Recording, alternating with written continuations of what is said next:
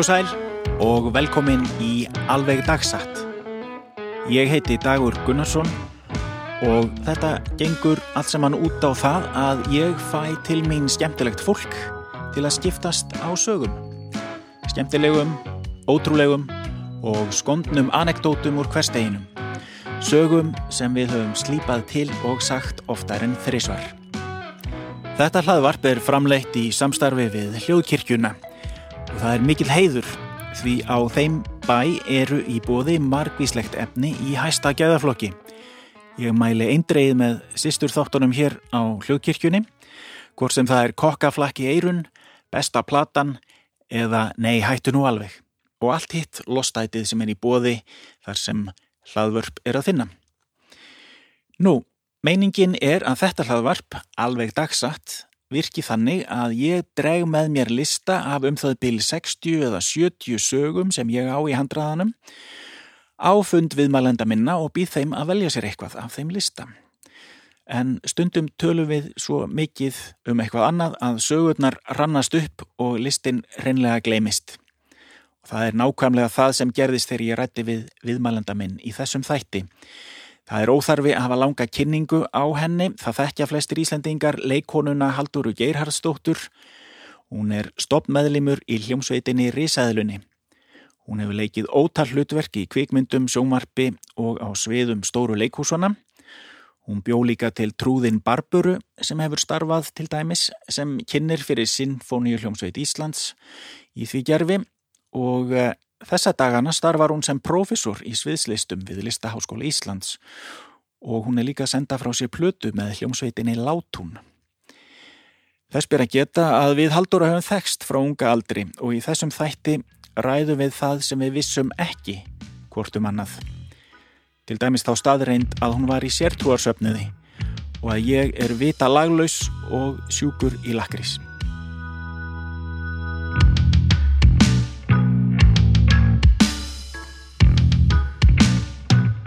Já, ég heiti Haldur Gerastóttir og ég er leikona. Uh, en ég vinn samt líka við fleiri hluti. Ég hef líka unni sem leikstjóri en bara þrissasinnum í aðtunuleikusi og hérna og svo er ég profesor í, við listaháskólan á leikarablöð. Sæðu nú ljómaði? Já. það var svo, ég var svo hissa þegar þau gáði mér hana titil ég var svo, ég var svo stolt. Ég bara, wow, er allt sem búin að leggja á mig búið að búa til þennan titil? Og ég var svona alveg djenúin, ég bara, ég bara já, þetta er hérna, mér fannst ég að unni fyrir því. Og svo kannski er ég ekkert kannski er þetta bara rugg sko. En, en það var hérna nefnd sem að ákvæða þetta. Og mér finnst það mjög skemmt og ég þurfti lengi lengi að máta mig orðið, nú get ég sagt að en þú heyri ég hlæsamt eins og ég eigi ekki inn í staði fyrir því Er það kannski að því að okkur finnst við vera átjónara? Það, ég... það er til líka eitthvað sem heitir hérna impostor syndrom að mann finnst maður maður er alltaf að býða eftir einhver segja, heyrðu stopp, nei, þú, þú ert ekki profesor eða þú ert ja. ekki leikari eða Jú, ég, ég held það. Ég held að hjá mér er það sko, ef að ég segist þeirra profesor en einhver annar er það ekki, þá, þá þýðir það eitthvað um að eins og að sé búið að raða mér upp í kannski svona píramíta. Einhver sé með meiri titil en, titil en annar eða eitthvað svona, en ég er samt að læknast af þessu. Þú veist, ég er rosa svona flattlænmanniski með þetta, að hérna það þarf vissilega að vera manneski sem stjórna eins og það þarf að vera leikstjóri en það verður að vera algjört jafnræði samt í leikhópnum á vinnustæðinum allarettir verða heyrast ég er ósað lítið fyrir það uh, að eitt sé aðal þó að ég kunni það upp á tíu þú veist, en það fór ég eiginlega í eins og, eins og kvöld í heilt ár og það fannst mér bara eins og vera með geggjum sko leikstjóra bara sem að bara rugglaði þannig í okkur og mér fannst það svo skemmtilegt Þetta er saga held ég. Þetta er náttúrulega laungsaga. Já. Ég ætla að byrja á einu. Já.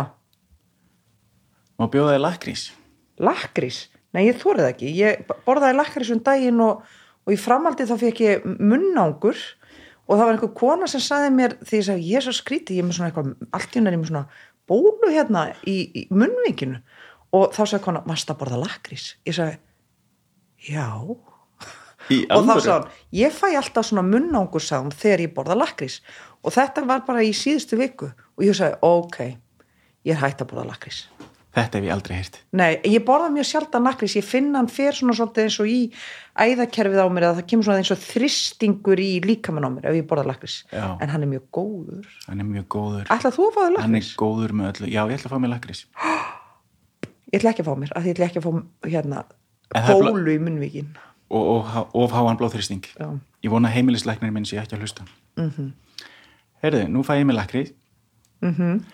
Að að. En... Uh, En af hverju farið þið lakrís? Á, hann er svo góður. Ég hef verið sjúkur í lakrís frá því ég var bara bann. Ok, Og og ekki náða að slepa þetta svona eins og mitt súkulaði ég hef ekki náða að sleppa því, nei. Ég hef oft hugsað, get ég hægt að drekka áfengi, ekkert mál, get ég hægt að drekka te, ekkert mál, get ég hægt að, þú veist svo til ég allskyns upp, svo kemur á súklaði, þá bara, til hvers? Já. Til hvers að vera til ef ég á að sleppa því að borða súklaði? Þú veist, það kemur svona genuinli, svona djúft, djúft, djúft inn í mér að það sé bara, e- en, það sé bara engin tilgangu með þessu ef ég má aldrei fá súklaði. Er hérna... Áttu er eitthvað uppáhaldssúkulæði? Uh, núna er ég mjög síðan þessu omrum. Já. mér finnst skemmtilegt mér finnst þetta með salt og svona hnetum í og líka með da, da. já, emmitt Sko, ég er svo slæmur með hennar lakrís Mhm.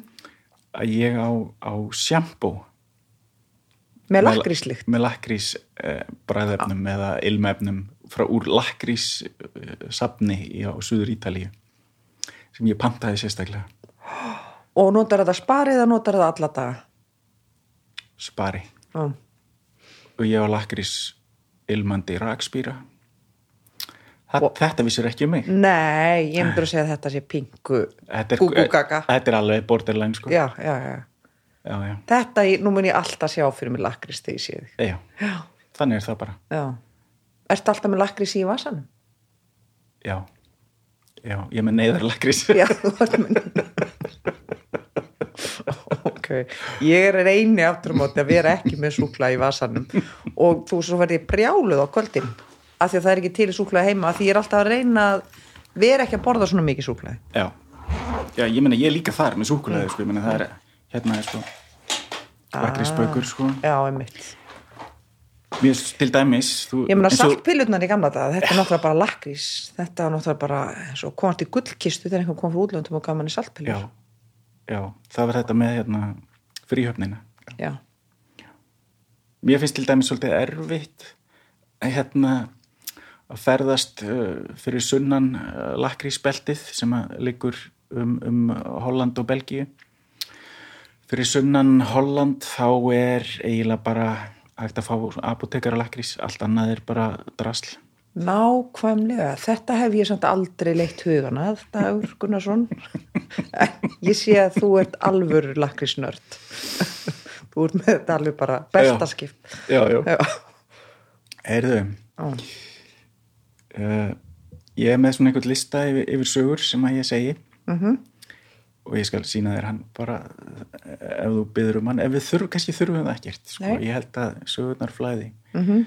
en þú varst með þarna skautaðir yfir e- einhvern sértrúasöfnuð Ah, já, ég hef nú örgulega sagt frá þessu áður, en ég sem sagt, einu sinni þá, þegar ég var bara rúmlega þrítug eða þrítug, þá gerist eitthvað. Ég bara, hérna, ég var þrítug og daginn sem ég var þrítug, þá horfði ég tilbaka og hugsaði, býðun og við. Nú er ég búin að vera 20 upp í 30, vil ég hafa næstu 10 ár eins og síðustu 10 ár og það var alveg skýrt inn í mér að það vildi ég ekki. Nú, Já, mér fannst bara eitthvað bara alls ekki virka.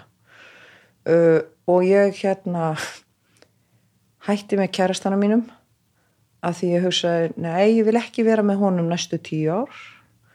Ég til ég að, og ég hugsaði þetta, ég var alveg til ég að hitta hann þegar við vorum gömul, en núna er eitthvað annað sem að ég þarf að gera.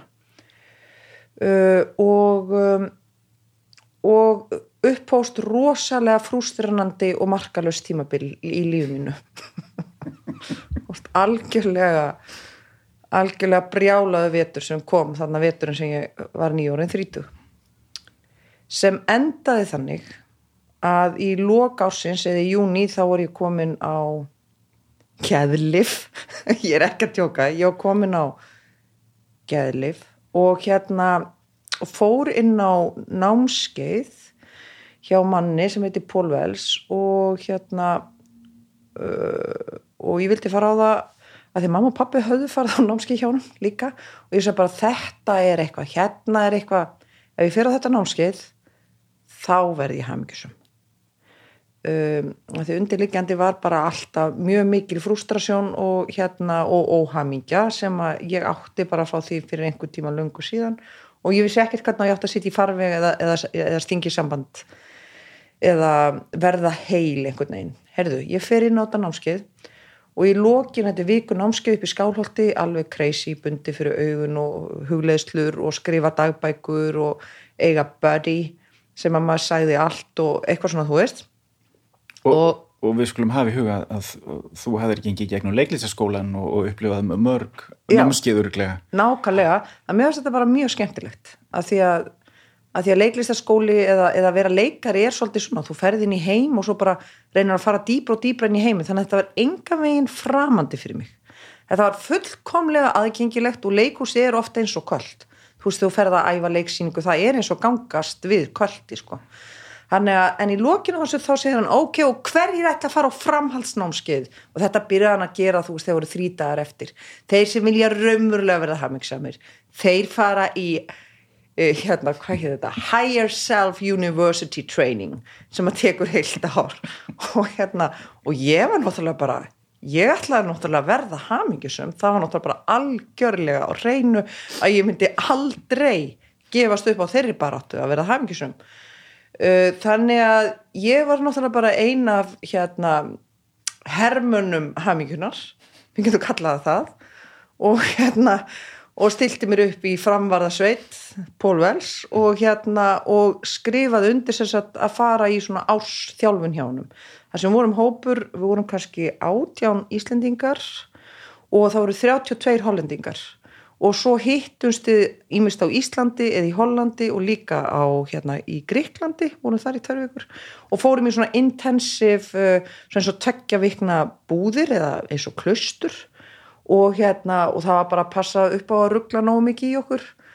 Sofa lítið, borða öðruvísi menjulega, ekkert kaffi engar síkart, engin örfandi svona, eða þú veist, takk í burtu allt sem maður venjulega nota til þess að hérna, svona, halda sig gangandi, ekkert súkulaði og hérna Uh, já og mér fannst þetta brjálæslega gaman og brjálæslega erfitt og af því að þetta var erfitt og af því að hann var stundum vondu við mann þá fannst mér ég náttúrulega að vera ná árangri að því að hann leikur hennan leik sem er þú veist þér gengur ítla, þér gengur ítla, þér gengur ítla þér gengur ítla og svo bara þér gengur svo vel. Og það bara ah, já, mér gengur svo vel. Þetta er svona eins og hérna ég hef átt að má sumir kennarar í gegnum tíðina í leiklist kannski eða leikstjórar eða eitthvað svona.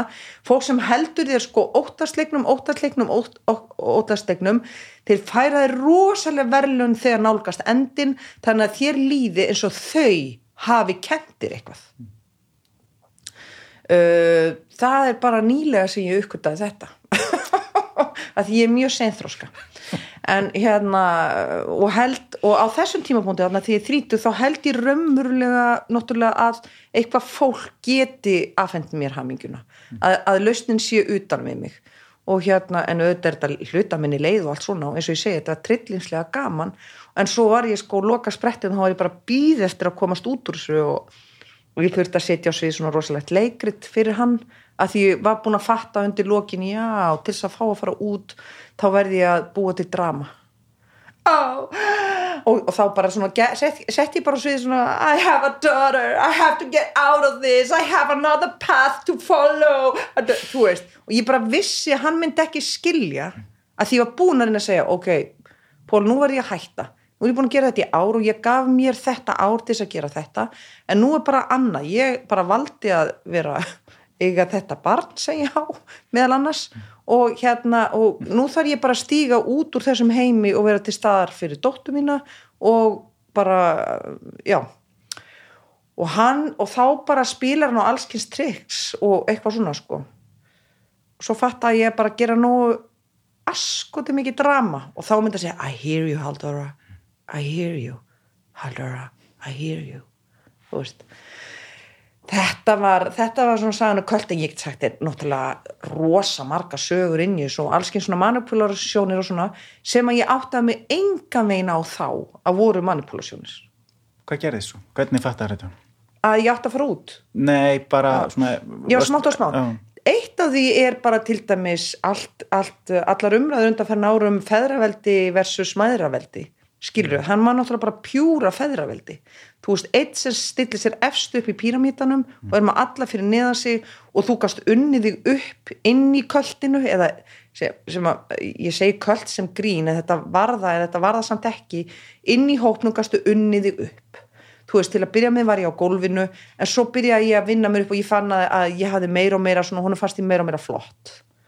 Og hérna og ég fann líka að eh, að sumt fólk var verðmætara fyrir hann inn í hópnum en, aðrir að því að fatta þetta var fólk sem gæti sótt annað fólk inn, að því að það hafði presens út í samfélaginu til þess að fá aðra til þess að koma inn í þetta og svona. Að því að ég, ég sagt, ég leiti fólk aðna inn og bara var algjörlega samfannum að þetta væri, væri, væri líkillinn að hamingjunni þarna og þegar við vorum búið með þess að tekja veikna tímabilins og, og uh, þú veist það sem vorum í þessu klöstri innan gæsalappa uh, og þegar vorum að koma út þá var alltaf áður fórt beware of the illusion the illusion out there veist. Og það var alltaf um sko við vorum við vorum sóper. Við vorum þú veist tengd einhverju stóra stóra eitthvað en allir úti. Meðal annars þú Dagur Gunnarsson þið voruð í blekkingunni þið voruð í blekkingunni en við sáum skýrt. Sko það sem er brjálæðislega gaman á þessu tímabili er að allt verður að signalum í kringum því þannig að þú veist, þú keirir um götun og bara sólinn kemur upp og þú bara ok já da, þú veist, já þetta er dagur þar sem ég á að fylgja bara flæði sólarinn og þú veist, eða bara keirir eftir bíl og það er bara NB 130 a, núna byrjar fyrsti eh, sex, sex, fyrsti dagurinn að leiðinu að, að ég er að verða 60 ég er í miðju lífsins. Skilur þú veist, maður bara alltaf að sjá signal allstaðar og þú veist og ringja svo í félag sína, heyrðu ég sá ég keila eftir bíl og það bara NB 160 og þetta er brjálaðislega gaman. Já, en þetta er líka hérna eins og stjörnusbeki og já, allt þetta. Og ég er náttúrulega fullu í öllu þessu. Ég er svona típa, skilur ég er bara í alvöru ég fekk gefins dagbók í gær sem með hvernig stjórnirnar reyfast í gegnum árið, árið 2021 og ég var bara flettin í gerkvöldi bara, já, já, já. Hvena verður merkur næst retrograde? Skilur, ég bara þú veist það er bara fárulegt að halda því fram að ég sé ekki svona. En ég er líka ég er líka ágætt Þú ert líka prófessor og vísindamæður já, ég er líka prófessor. Það kannski uh, En þess, þarna inni var þetta sem ég fíla ekki að fólki var ræð upp fyrir mig og niður fyrir sig. Já. og þetta trublaði mikið ég bara sá þetta, ég sá þetta alveg þetta ég sagði, mm, það er aðsnarlegt, hún er líka leikona en hún finnst ég ekki eins merkileg leikona henni, hún finnst, hún er ekki eins merkileg og ég, að því hún er ekki með eins mikla vinnu sem leikona eins og ég, þú veist það gerði alveg svona augljósa aðsnarlega hluti að valit er að fólk eftir success. Var hann bandarískur? jeps, Bingo. Bingo, það er þess vegna. Og þjánaðan peninga á þessu? Rosa mikla. Ég borgaði rosa mikla peninga. Og ég borgaði alveg í topp. Af því að hann vissi að ég gætt unnið eins og móðu fokkar með því að skemmta ásatíðum og, og bara eitthvað að sprella hér og þar og hérna og sapna fyrir þessu. Fekk ég líka styrk. Og fæði svona aðeins leðilegt að segja frá því ég ætla samt að segja frá því. Fekk styrk úr hérna námstyrk frá hérna úr um, mentasjóði eða eitthvað svona uh, uh, hérna Stefáníu Guðmundsdóttur. Og ég nota allan peningin í pólvels uh, og ég sé ekkert eftir því skilur að því að þetta var náttúrulega geggjað námskeið ég myndi segja að þetta sé magnaðasta leiklista námskeið sem ég farið á. Við gerðum klikka að hluta sem bara ok, ok, you have 10 minutes to change the energy in the room. Og svo vorum við þú veist í stóru leikvömmisal og þá bara byggum við til nýjar leikmyndir með dínunum, með kertunum, með teppunum með, skilur þú veist, þannig að þetta var alltaf leikhús, fyrir mér var þetta alltaf sviðsetningar, ég var alltaf að sviðsetja heim, búa til orku búa til aðstæður þú veist, á bara 0-1 þrýfa húsið á 200% hraða, þá þrýfum allt húsið og hlupum um húsið, skúruðum þurkuðum af, þú veist, ef við vorum búin og hinn voru ekki búinir, þá bara fórum við að þrýfa gleri einhver staðar eða hurðar húnna eða skilur við, vorum bara þetta var rosalega voru þetta allt leikarar, var, þetta- leiklistar? nei, nei, nei, við vorum bara tvær leikonur sko, nei, nei, bara alls ekki. Það var bara fólk úr öllum stjættum hann en mikið svona kannski fólk sem ég hitti svo í alla non nokkrum árum setna svona fólk sem var ekki alveg með útlýruna sínur á hreinu og var að leita að einhverju svona miðju í sér og einhverju, þú veist að leita að í rauninni svona Trump einhverjum sem segir hvernig hlutirnir eru og talar ofan frá niður og valiterar allt sem þú gerir rétt rándur þetta er að fara inn í kvöld er náttúrulega að þú vilt að einhver annar beri ábyrð á haminginu þinni. Og það var það sem ég var að gera því ég fór þarna inn. Ég var að leita mér að enn einni leiðinni til að láta aðra mannesku bera ábyrð á minni hamingju. Fannst þér þú hafa verið plötuð? Nei, nei ég hef aldrei haft þá tilflíku en ég hef, ég hef samt skammast mér fyrir að vera svona vittlus skilur þú veist nei, ég, ég sé ekki eftir að hafa farið gegnum það því að sko reynslan og það sem ég prófaði á sjálfri mér á þessu ári er, að, er bara einstakt og ég næðist vinið þarna inni sem eru bara mínir dýfstu vinir. Þú veist bara fólk sem að sem að hérna bara þegar ég hitti það þá er það bara vum það er bara alltaf inn á dýfsta stað sko. Beintengt. já og ég lærði bara ég, ég meina ég lærði ó- ógeðslega mikið á þessu. Ég tók fólk í, þetta er náttúrulega landlæknin gæti náttúrulega kært mig sko. Ég tók fólk í svona e e e enga tíma heim til mín, það heitir ART Awareness Release Technique. Og þá bara satt ég og tók fólk í gegnum svona, þú veist, fór í gegnum orkustöðuna þeirra og hérna og þau sögðu mig sögur og svo var ég bara ofsalega frjálsleysu, ég bara go deeper, dig deeper þú veist, eitthvað svona og var bara að hafa mér eins og þerapisti, skilur bara alveg gúgú gaga sko þú veist, fullkomlega ábyrðarlust og hérna já, ég vona að kæri mig enginn það eru 20, ár, 22 ár síðan þetta var Já, ég hugsa þú. Sérst sloppin. Ég vona sér sloppin en þau gætu farið að segja sögur um þetta í blöðunum og segja Halldóra Gerastóttir, hún tók mig og ég bara og þetta er það versta sem ég lendi í og það, sko, þú veist, það gæti alveg gerst Eðilaði líf mitt. já, eðilega líf mitt, þarna fór ég út endanlega út af strykinu eða eitthvað svona, Já, já. en nei, ég segi svona Já, en ég menna, að að þetta er mörg, þetta er mörg, þetta er mjög, þetta er mjög alveg heillandi, ég menna það er náttúrulega mörg leiklistanámskeiðin eru svona. Mhm. -hmm. Þetta að dig deep og eitthvað og breyta sér í einhvern sem þú ert ekki og orkustöðvarnar. Mm. Hvaða orka er þetta? þessi í orkustöðunum ég er náttúrulega hérna það, það er náttúrulega eitt af mínum lindamálum þú veist, eða lindamálum ég, ég, nota, ég spái mjög mikið í þessar orkustöða þegar ég er að leika út úr hvað orkustöðu ég er að senda eða vinna í karakter eða eitthvað svoleiðir, þú veist svo las ég bók fyrir ári síðan það er maður eða einhverju amerikani sem er með einhverja leikhústækni sem heitir Lucid Body og hann kom í það til Íslands og kendi og mér fannst bókin hans vera bara allt eins og ég vinn og ég sagði bara já ok, ég get kannski bara að fara að tala um þetta. Þetta er búið að vera svona bara leyndamáli mitt. Hvern, eh, þú veist að ég er að vinna þarna þegar ég er að vinna sko. Uh, orkustöðuna, mér finnst það bara viltu vita meira, meira um þetta? Já, erum við að tala um sko, einhver svona indvesk fræði Já, og, já, og hérna bara kynvesk og indvesku bara, þú veist, bara rótarstöð og svo appisínugularstöðin og magastöðin sem er svona samskipti við samfélagið og svo er hérna hjartastöðin, það er svona það sem, já, bara það sem líkur á hjarta uh, hálstöðin, það er svona þegar þú nærði ekki alveg að þú veist, átt ekki leið út í heiminn þá ertu stíplaður þar og, og svo er innsæð hérna í enninu og, og svo er hérna svona, svona krónan þar sem að þú byrjar að tengja skuði og svo eru sjö stöðar þar fyrir ofan, þú veist. Og það var til dæmis gaman hjá Pól og það fannst mér mesta rugglið og mér fannst það geggjað. Það var þegar við fórum yfir í geimverur.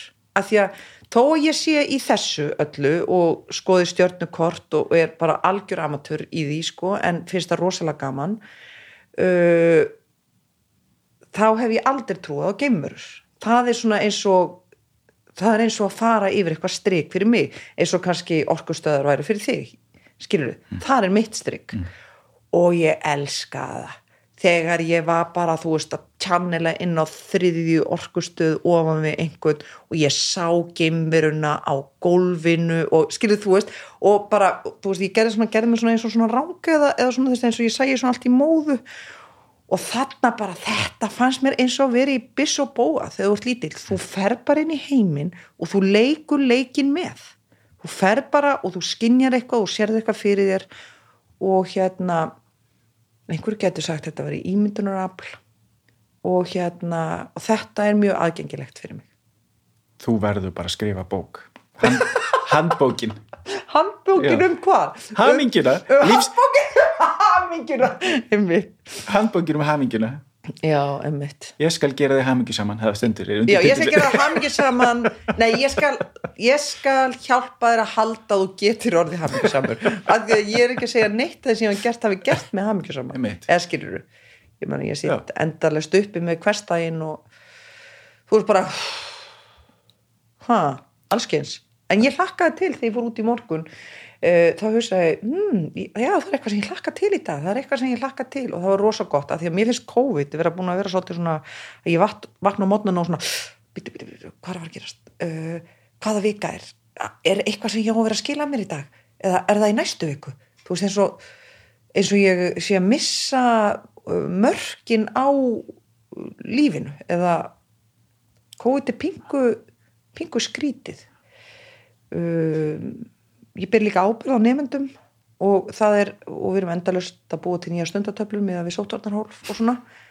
Uh, og Aftur og aftur. Aftur og aftur, við erum alltaf að vinna vinnuna. Já. vinna sem við unnum í mars í fyrra. Uh, hana unnum við svo aftur í júni uh, unnum hana svo enn betur í ágúst. En svo um, leið og nefndum ætti þá unnum hana aftur. Svo unnum hana aftur í september og svo uh, aftur bara í lók september skilur þannig að við erum bara alltaf að vinna sömu vinnuna aftur og aftur og aftur sem þýðir það að við hljótum að vera ekki að gera eitthvað sem við ættum að vera að gera en erum samt að reyna að gera það. Og ég veit ekkert hvernig við ætlar að spila en útvarsþátt en á mánudaginn fekk ég þrjú símtöl um desember jólahugmyndir að gera eitthvað og það er verið að ringi leikara til þess að gera eitthvað. Og þetta ger, á innan við sólarring voru komið þrjú síntöl um okkur datt í hug í desember að gera svona litla sketsa sem að eitthvað dö, dö, dö, dö.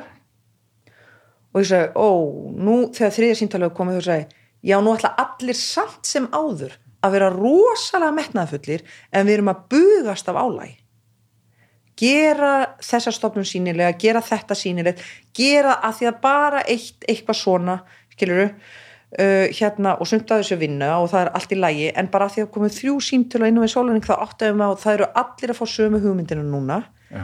þeir þykjast vera ætla að hafa indislegan, rólegan desember og vinda ofana, en þeir er að sigla inn í meira álag og við erum að bugast þannig að hérna Já, já, ég er alveg þarna, alveg bara akkurat það sama að gerast hjá mér.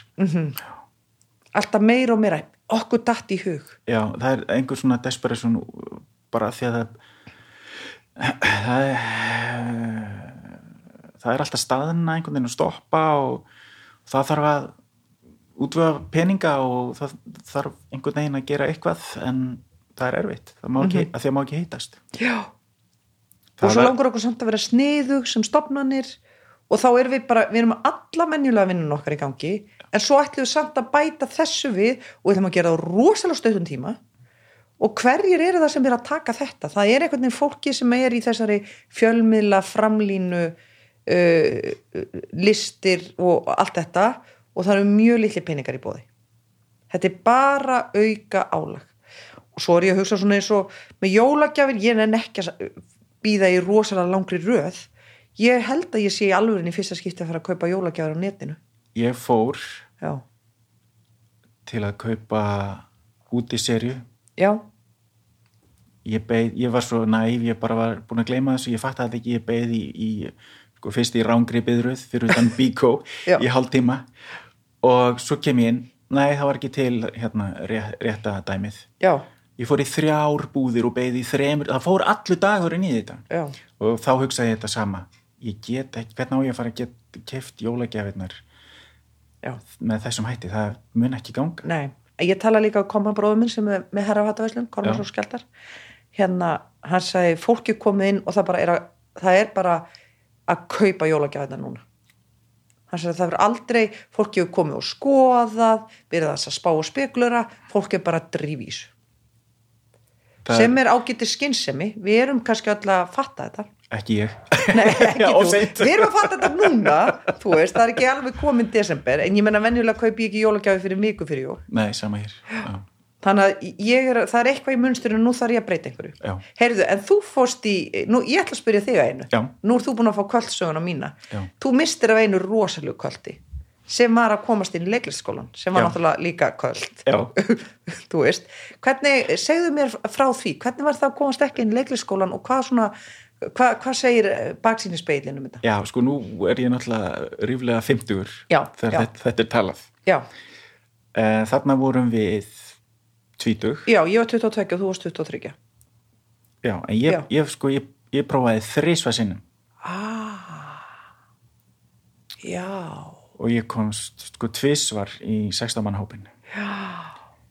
og mér fannst þetta orðið bara sko að þetta var svo langur prósess. Já mér, ég var bara orðin svona fíkill í það að vera í þessum inntökuprófum. Hugsuðna allan veturinn og bara hvaða mónalóg og hvað virkar? Hvað vilja en ég var náttúrulega mjög seinþróska og mjög vittlaus Mhm. -hmm. ég held bara að þetta væri allt og sund þetta að ef þú kemst ekki inn í fyrstu aðreinu þá er það bara því að þið langaði ekki nógu mikið til þess. Að þú verður bara að vilja þetta nógu mikið sko, að hérna því er ekkert að vera bara einhver uh, svona dilettant, einhver svona amatör sem er bara svona finnst bara gaman að vera í, hafa titilinn, vera mm -hmm. leiklistaskóla nemi -hmm. þannig að ég tók þetta mjög alveglega og, og fór á námskeið, ég var að vinna sko með stundum var ég í háskólanum í hérna að prófa einhverjar greinar þar eins og bókmyndafræði og heimsbyggi -hmm. þannig ég var bara að skoða heiminn og um, en ég held að ég ætti að vera leikar ég fekk svo rosalega áhuga á þessu þegar ég var í mentaskóla og uh, fílaði mig vel upp á sviði. Og, uh, og fannst það ekki erfitt og bara leið vel þar. En, uh, en svo er ég bara ekki góður leikari. Það er bara talent sem hún verður að hafa. Já, ertu viss? Já, já, ok, ég ætla ekki að fara er, rökra það við þig ég er Já. alveg viss um það sko. Já, ok. ég hefði verið mjög slæmur leikari já. Mhm, en þú hefði getað nýtt námið leikara Já, já, já, já, að já, þú já. sér það, það geta margir það sem er leiðilegt finnst mér við leikara námið að, að það verður sko, ok, eitt er að komast inn og svo færði þetta frábæra nám, ég held að þetta sé frábært nám ég er alveg saman því já, já, já. uh, og svo eru bara ekkert margir sem að kannski jú, það, það er samt fullt vinna fyrir leikara allskins vinna sem að þetta ná ný, nýtist í. Já. en það verður svona svolítið eins og sérst að tapa ef þú færð ekki bara hlutverk eða eitthvað, ef, ef þú ert ekki valin eða er ekki hringt í þig. Og það er svolítið leðilegt við þetta starf. Ég held ekki að neitt bókmentafræðingur sem útskrifast fari á þann stað með sína bókmentafræði af hverju er enginn að ringi mig og bjóða mér, Já, er, það, er það líka? Jú, ég meina þú ert að þú ert að sk- að skrifa fræðigreinar Mhm. -hmm. og, og fá þær byrtar mm. og, og það eru mismunandi háskóla útgáfur sem byrta þessa greinar í tímaritum og, og síðan skrifaru bækur og ef, ef að bókin þín er gefin út og svo fyrir Já, já, já, tilboðar á ok, ráðstefnu, þú ert það er já. sko, já, já, Já, það er líka samkeppni, það er allstaðar sko. Já, já, já, ok. en þetta með leiklistina sko uh, svo er ég líka alveg laglaus Mhm. -hmm. sko ég get ekki eh, sungið afmælisöngin sko, sko Nei, skamlaust Ok, fyrsta heila setning orðin sem að sonu minn tengdi það fyrsta sem hann sagði sko annaði bara pappi eða pissa kúka eða eitthvað Já. svona það var pappi ekki syngja vá, sorglegt búm já, búm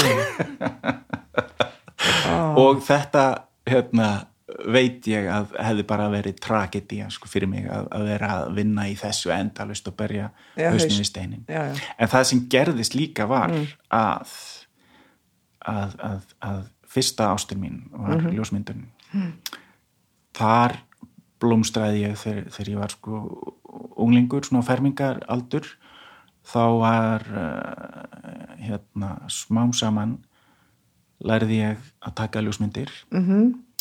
Fyrst var einn maður sem var eitthvað að kenna pappa á myndavælans og ég var svona á öxlinu bara að fylgjast með og ég greip þetta alveg um leið. Já. og svo fór ég á eitthvað námskeið í, í skóla í barnaskólanum í Hafnarfyrði og þar var mjög svona áhuga samur myndlistakennari og hann var með svona kvöldnámskeið í, í ljósmyndun svona í myrkra kompani og ég var alveg bara heitlaður og tók myndir alveg fullu og, og ég var með, komið með sko mína eigin myrkrakompu, þetta er rosalegt vesen á þessum tí tíma sko. Allir sér vögvar og myrkrið og stækkari og ég hef komið mitt, mitt eigið bara kitt bara á einan ári.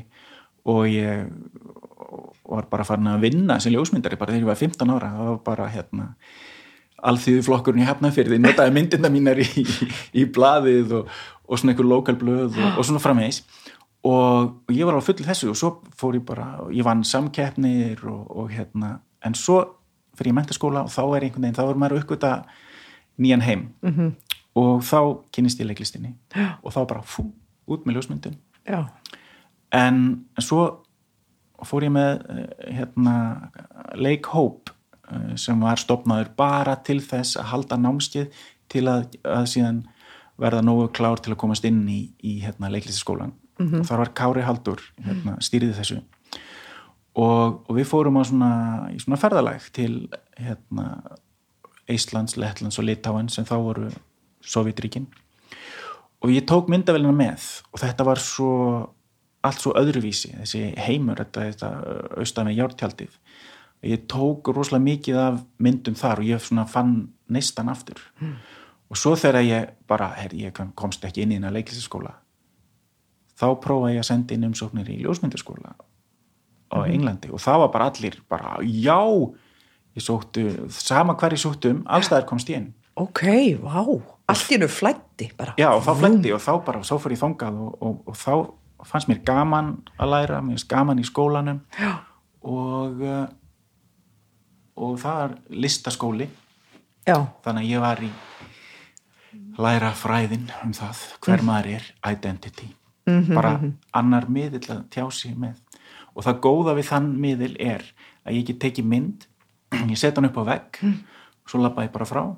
Og fólk kemur og bara sér já þetta er góð mynd eða nei, þetta er glata eða ég vil ekki sjá þessa mynd. En það er allt í lagi, það er ekki ég það er ekki mín persóna. Mm. það er ekki mín rödd, það er ekki hérna mín físík. -hmm. þá get ég bara farið heim og verið bara ánað með mig. En við, svo er bara myndin dæmt já, einmitt sem er svona eh, einmitt það sem leikarinn þarf að þjálfa sig í að, Já, að vera svona ob objektífur í þessu. Já, að vera myndin. Já, og, myndir á sviði. Já. Einmitt, og segja bara, herri, þetta er ekki ég þetta er bara myndir sem ég er að draga upp Já, af sögunni sem ég er að segja. Mhm. já, og við höfum ákveð að segja söguna svona Mér finnst það leðilegast í gaggrinni þegar gaggrindu gera ráð fyrir að maður hafi ekki tekið meðvitað ákvörðun um að gera hlutin eins og maður gerir. Gerir ráð fyrir að maður get ekki gert á öðruvísi og spyrja sig ekki af hverju ákvað hún eða þau að segja söguna svona. Þetta er það sem ég finnst leðilegast við gaggrinni á leikhús. Þetta fyrir stundur langar maður að ringi í gaggrindur þegar ég sé þetta já, mér fannst hún ekki ná að gera du, du, du, og þá var ég ógænslega pyrrut bara skýnur ekki of hverju ekki ákvæm að gera þetta svona? Þú veist þá verði ég alveg 11 ára sko. Uh, eins og ég hef bara að maður sé bara heppin ef maður leikur vel. Já. eða heppin eða heppnast hjá manni. Já, þetta er náttúrulega, mér leiðsamt þannig því ég útskrifast eins og ég var heppin þegar það tókst vel að því að, að, því að ég var óurug sko, en núna líður mér ekki eins og ég sé heppin. Mér finnst ég, þegar ég er búin að vera leikona núna í 20 og eitthvað ár. Uh, 25 ár. Hérna, mér finnst ég ekki vera heppin. Mér finnst ég hafa val. Og mér finnst ég hafa vald á verkfærinu hérna leikonuverkfærinu svo er það bara heimsbyggilegt og, konsept, og konseftlega hver, hvernig á listaverki að vera. Þetta er ekki tilviljun hvernig maður leikur, það er ákvörðun finnir þú hvað ég verð reið Já. ég verð brjáð en mér finnst um, En þau hafa náttúrulega sín, sín tæki og tól og, og, Mhm. og eru náttúrulega líka fag, fagmenn Mhm. skildi maður ætla eða mm já. já, þau eru fagmenn og það sem fer bara í töðan á með ef þau gera ráð fyrir að maður sé svo heppin að hafa slempi lukkast á að gera eitthvað Já. en ger ekki ráð fyrir að maður hafi valið að gera þetta svona það er Ja. bara það sem fyrir Já, á já. af því að þá gerðu þau ráð fyrir að ég sé ekki listamæður þá gerðu þau ráð fyrir að ég sé amatur já. Þetta komið á mjög djúpar slóður já, Já. Já, ég leitið inn á þetta með kvöldið ég Já. hef ekki heyrtið þetta áður, ég er bara þetta opnaði augum mín, ég, nú, Já. nú sko, þú sér lakrís og ég og, og, nú kannski- sérðu bara kvöld. Ég sé bara kvöld. Já, þú sér mig Guð, þú getur komið oft í heims og, og fengið margar sögur um kvöldið. Þetta, þetta bara rýmar engan veginn við, við, við pöngaran sem var í risaðilinni og spilaði á saxofónu upp á borðum í veislum og, uh, og var í MH og, og, og, sagði fuck you. Mm Nei, það er alveg satt. Uh, en ég hérna náttúrulega búin að fara langt ferðalag og, allt risalan eða pöngarinn sem var upp á svið og sparka í andlita fólki og, eða gerði það nú reynda bara einu sinni. En hérna uh, var í rauninni með rosalega svona brinju svo leita, byrja ég að leita leið til þess að komast út úr þessari brinju skilur, að, að ég þurfi ekki brinjuna þannig að þetta er kannski ekstrímið í hina áttina að fara, reyna að komast í algjöra auðmíkt og, og, og algjört varnarleysi. Og þá fær maður sér kallt lífið þá kemur sér bara inn í aðstæðar þar sem einhver segir manni hvað maður á að gera og, og valitir það, segir bara þetta er gott, þetta er vond þetta er gott, þetta er vond allt eitthvað svona. Uh, en ég skal segja leiklistaskóla sög, að því að það sem náttúrulega gerist hjá mér þegar ég fór inn í leiklistaskólan var að ég þurfti að hætta í hljónsutinni risaðlunni, að því að það var framkomubann í leiklistaskólanum sem að, náttúrulega var sprottið að því að leikhúsum voru alltaf, þú veist ef einhver fer inn í leiklistaskóla eða kemur á gæðin þá hlýtur að vera að því að manneskjan hefur talent. Þannig að þeir sem voru í leiklistaskóla voru í rauninni ódýrt vinnu fyrir, það varstu bara komið ógeðslega flinkan statista á statista launum inn í leikhúsin. Þannig að þetta var svona uh, þetta var kjara baráttu mál að láta ekki leikhúsin og svo sem væri þá í dag kvikmyndagerðamenn af því að þeir eru alltaf með, þeir eru með langa putta jungt fólk hérna að láta þá ekki mm, sækja ódýrt vinnuafl svona. Þannig að það var bara rosalega strikt regla í, le í leiklisskólanum bara framkomban en það þýtti að ég varð að hætta í hljónstinni þegar ég byrjaði í skólanum. Og ég var bara algjörlega sátt við það. Af því að ég er svo mikill hermaður svo mikill óbreyttur hermaður og mikill svona köld, köld típa að ég bara, feðraveldi sæði pappi sæði, mamma sæði hér bara, þú veist við bara komum ekki fram. Og ég hætti að gera það sem ég finnst skemmtilegast sem er að spila á saxofón og búið til tónlist með vinnum mínum. Uh, núna, 52 ára þá átta ég má að þetta er bara algjörlega traumatísk reynsla fyrir mig. Þetta er bara djúft, djúft sár að mér hafi verið kift út og ég fer að gráta þegar ég segi frá þessu alltaf. Þegar ég byrja að segja frá þessu stutt síðan ég uppgöta þetta ég var slitin út úr einhverju samengi ég hef búin að vera ó, ég fer alltaf að skæla. Ó, þú veist eh, ég er búin að læra á hljóðfræði færi frá því ég er sex ára og þannig til ég er tvítug. Og ég bý mér til, ég er búin að búa mér til heim þar sem ég hætti, veit að ég er ekki að fara að vera klassísku hljóðfærileikari heldur er ég að búa til með fólki og ég er inn í einhverju energi, þetta er bara einhverju samsköpun og skemmta mér konunglega á okkar forsendum, því að við vorum náttúrulega bara algjör rugg hljómsveit. Það var ekkert eðlilegt við lögin okkar eða hvernig þið voru sett saman og við vorum performance, við vorum, við vorum tónleikaband skiluru og hérna og bara ótrúlega lífsorka og bara alveg rosalegt sem streymdi í gegnum okkur. En þetta bara af því að pappi sagði það þá bara sleitið á sambandi sem var sem sagt kerfið, feðraveldið bara og hérna og uh, og ég var bara allt í hennu ekki að gera það sem, að, það sem ég kunni mest að láta streyma. Núna setna þá veit ég að því að ég fór ekki á tónleika í 10-12 ár því ef ég fór á tónleika þá fór ég eins og þá var eins og ég bara brotnaði eins og ég robnaði eða eins og ég læki út úr sjálfur mér. Og ég var svona 2-3 dag alltaf að jafna mig eftir ég fór á tónleika og svona eins og sapna mig saman. Og mér langaði alltaf að tilheyra og vera með og það var, þú veist það bara og ég, ég náði enga veginn að segja þetta í samhengi þá sko. Og það er ekki fyrir en ég fyrir svo að kynna barnatónleika með symfóníunni að ég hugsa ok, hérna hérna næ ég að gera það sem að það sem ég kann, sem að er að ég er búin að fá þessa tónlistamentun ég skinnja hvað þau hafa barist fyrir því sæti sem þau setja í. Ég skinnja heiminn sem þau eru inn í hljóðfæraleikararnir ég er millið tíbúin að læra að vera trúður og leikari og, og, og líma þennan heim saman og færan börnum eða búið til brí á, brýr á milli batna og fullorina, eh, skilur þú veist og bara upplifum með eins og svona ósýnilegt millistikki milli áhörvenda og hljómsveitarinnar. Og svo bara stóð ég í liðavægnum og greta því að mér var svo gott að vera inn í orkunni inn í tónlist, lifandi tónlistin sem þau voru að spila. Svo er ég konin hljómsveit núna. Þegar ég kom í lista áskólan þá allt ég nú hætti ég að spila sagt, uh, ég þekki lista áskólan þá þá allt ég er í frí á kvöldina því ég er ekki í leikhúsinu og ég er ekki að leika allar helga þannig að ég get átt hobby í fyrsta skipti. Þannig ég byrjuði að blása aftur. Og við vorum líka með comeback reys elan og aldrei fór í söður og það var bara eins og fyrir tímavill þú veist, ég held ég myndi eitthvað svona smart kynna-laugin mm. áður en, þú veist, og þetta lag sömdu við árið 1987 þá voru við, þú veist, nei, það kom bara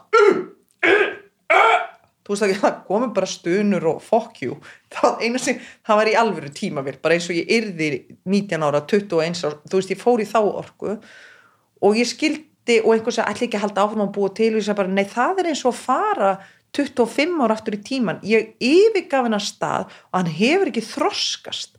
Ég var í rauninni með því að hlýða þessu feðraveldi sem ég er svo góði, ég er svo góði að hlýða feðraveldinu með því að hlýða því þá, þá sleit ég eigin þroska sem listamaður að búa til tónlist. Ég get ekki þæri bara asnat ef ég fær að búa til tónlist núna. Þannig eins og ég er því 22 ára aftur, ég er 52 ég er bara með meiri krömur professional kröfur til sjálfra mín heldur en að verða 22 þú veist. Þannig að þetta er þessna er ég sem kennari hér í skólanum. Ég hef ég ég get ekki stoppa nefndu mína þegar þeim býðst eitthvað því ég veit ekki. Þau þurfa náttúrulega að standast þar kröfur hérna að vera með ákveðna mætingu og ef að þau koma, fara að minna en það þá þá verða bekkafélagi þeirra reyðir út í þau af því þá eru þau ekki að mæta og leika sénurnar þeirra og allt eitthvað, þú veist, þetta er svolítið skrítið, þetta er hópstarf að vera leikari. En ég get ekki þóst vita hvernig leiðin þeirra á að vera á þessum tíma, núna því ég hugsa bara, af hverju ég menna, og Gíó sagði við mig, hann var í intökuna ekki hætti hljómsettinni ekki hætti hljómsettinni Gíó vissið alveg. En skólinn, en ég var bara svo hlýðin að það kvarlaði ekki að mér að óhlýðinast kerfinu. Þó ég var í punkari ég var engin punkari þú veist fyrir, ég, mér, fyrir mér varstu það. Já, en í rauninni því ég lítið baka þá bara, ok, ég var nei, ég var ekki raunverulegu punkari því ég, ég var ekki ég þorði ekki gegn kerfinu þarna. Ég vildi ómikið verða leikari en ég var líka einstað móðir þannig að þú veist e, þú veist, ég var ekkert að fara að rugga þessum bát sko. Ég var líka með bara ábyrð á dóttuminni og haldi utanum okkur og allt þetta.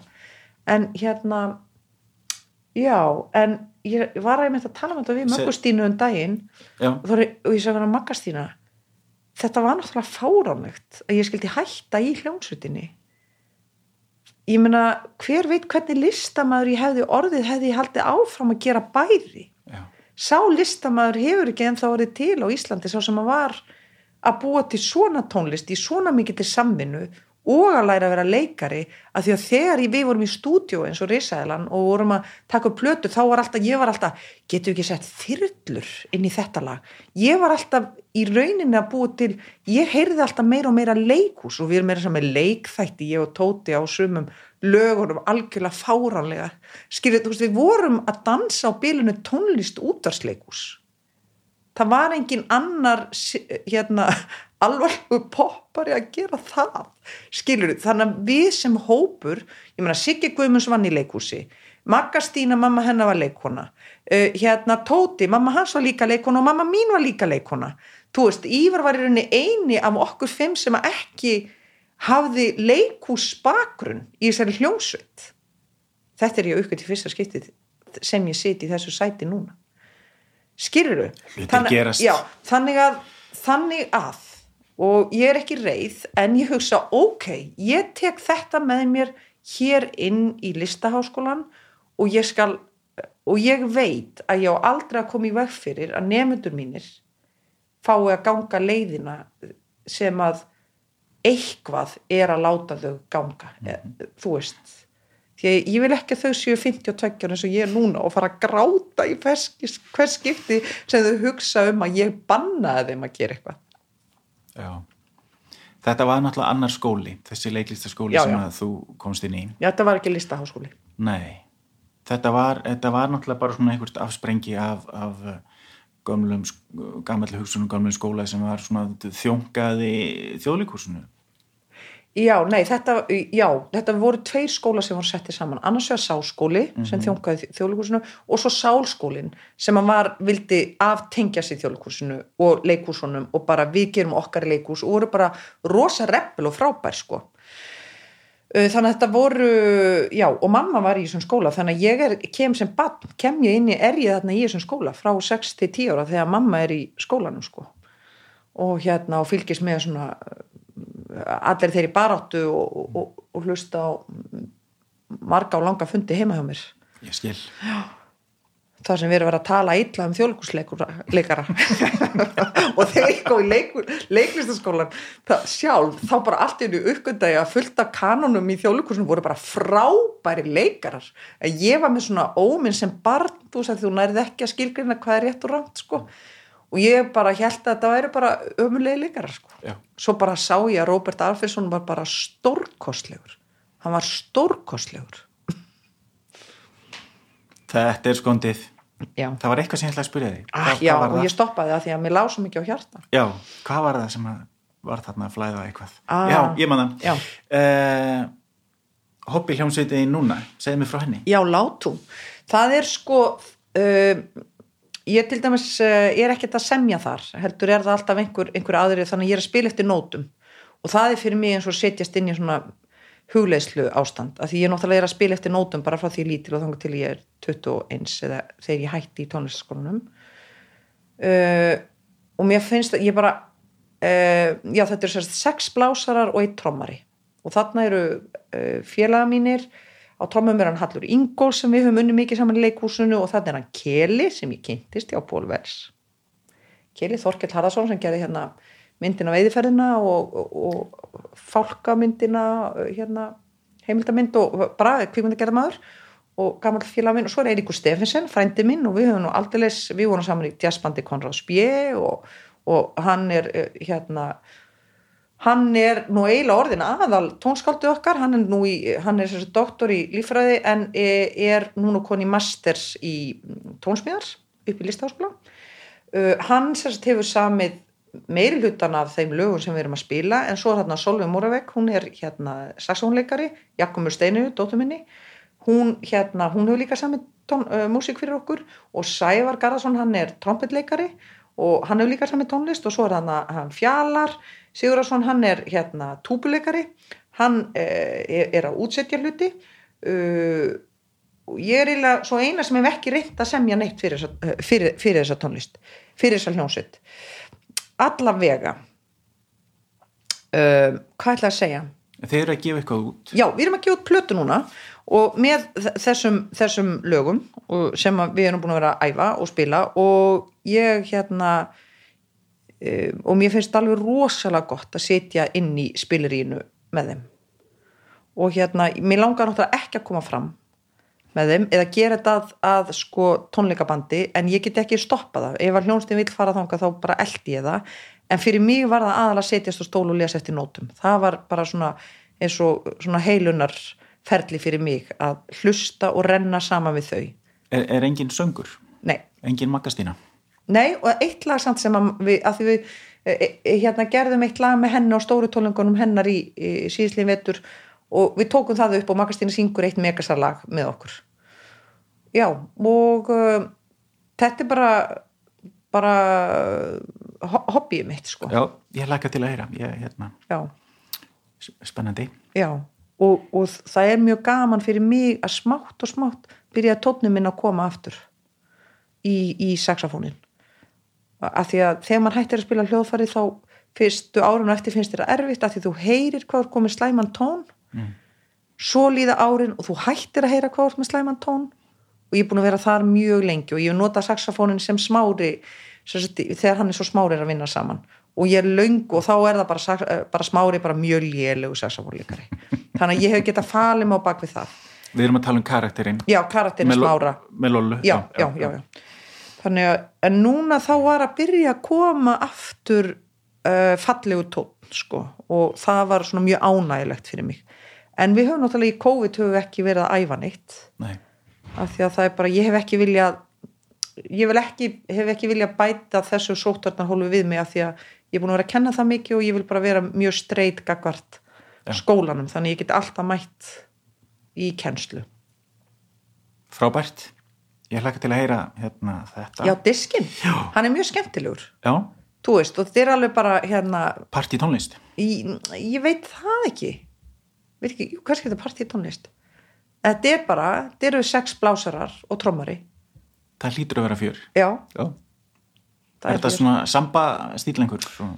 já, svona Karibian, sumt og þetta er bara, þetta er bara allskins uh, alveg eins og með uh, risæluna þá bara kann ég ekki að skilgreina tónlist Nei.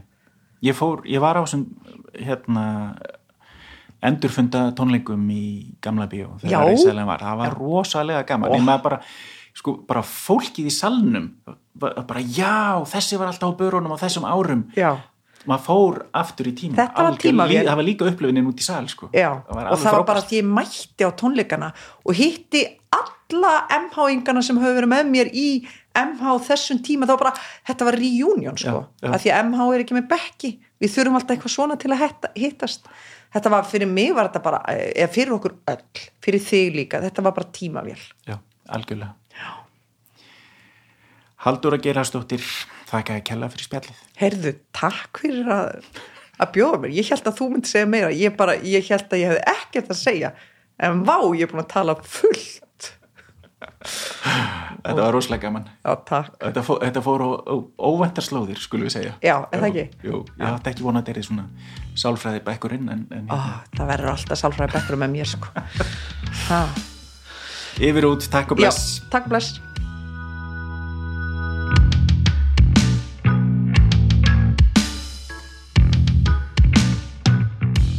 Þannig var það.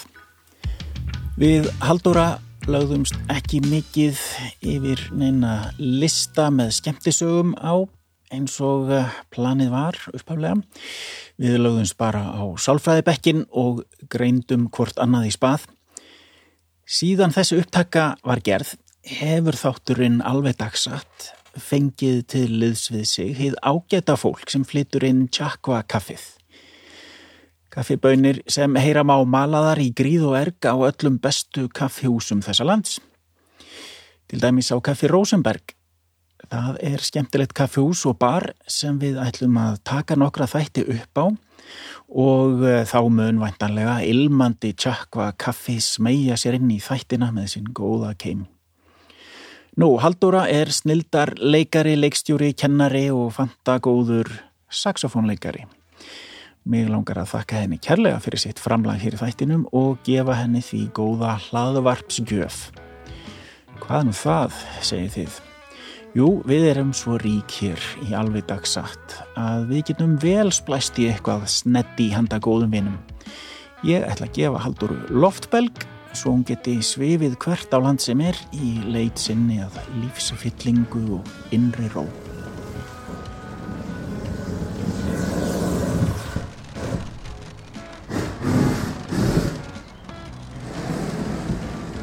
Þarna svífur Haldóra burt í brakandi táakörfu á vitæfintýrana. Við hér í Alveg dagsatt, þar sé að ég, Dagur Gunnarsson, vil þakka samstarfsfólki okkar hjá Hljóðkirkjunni. Verðið duglega að hlusta, kikið á okkur á Facebook, lifið heil!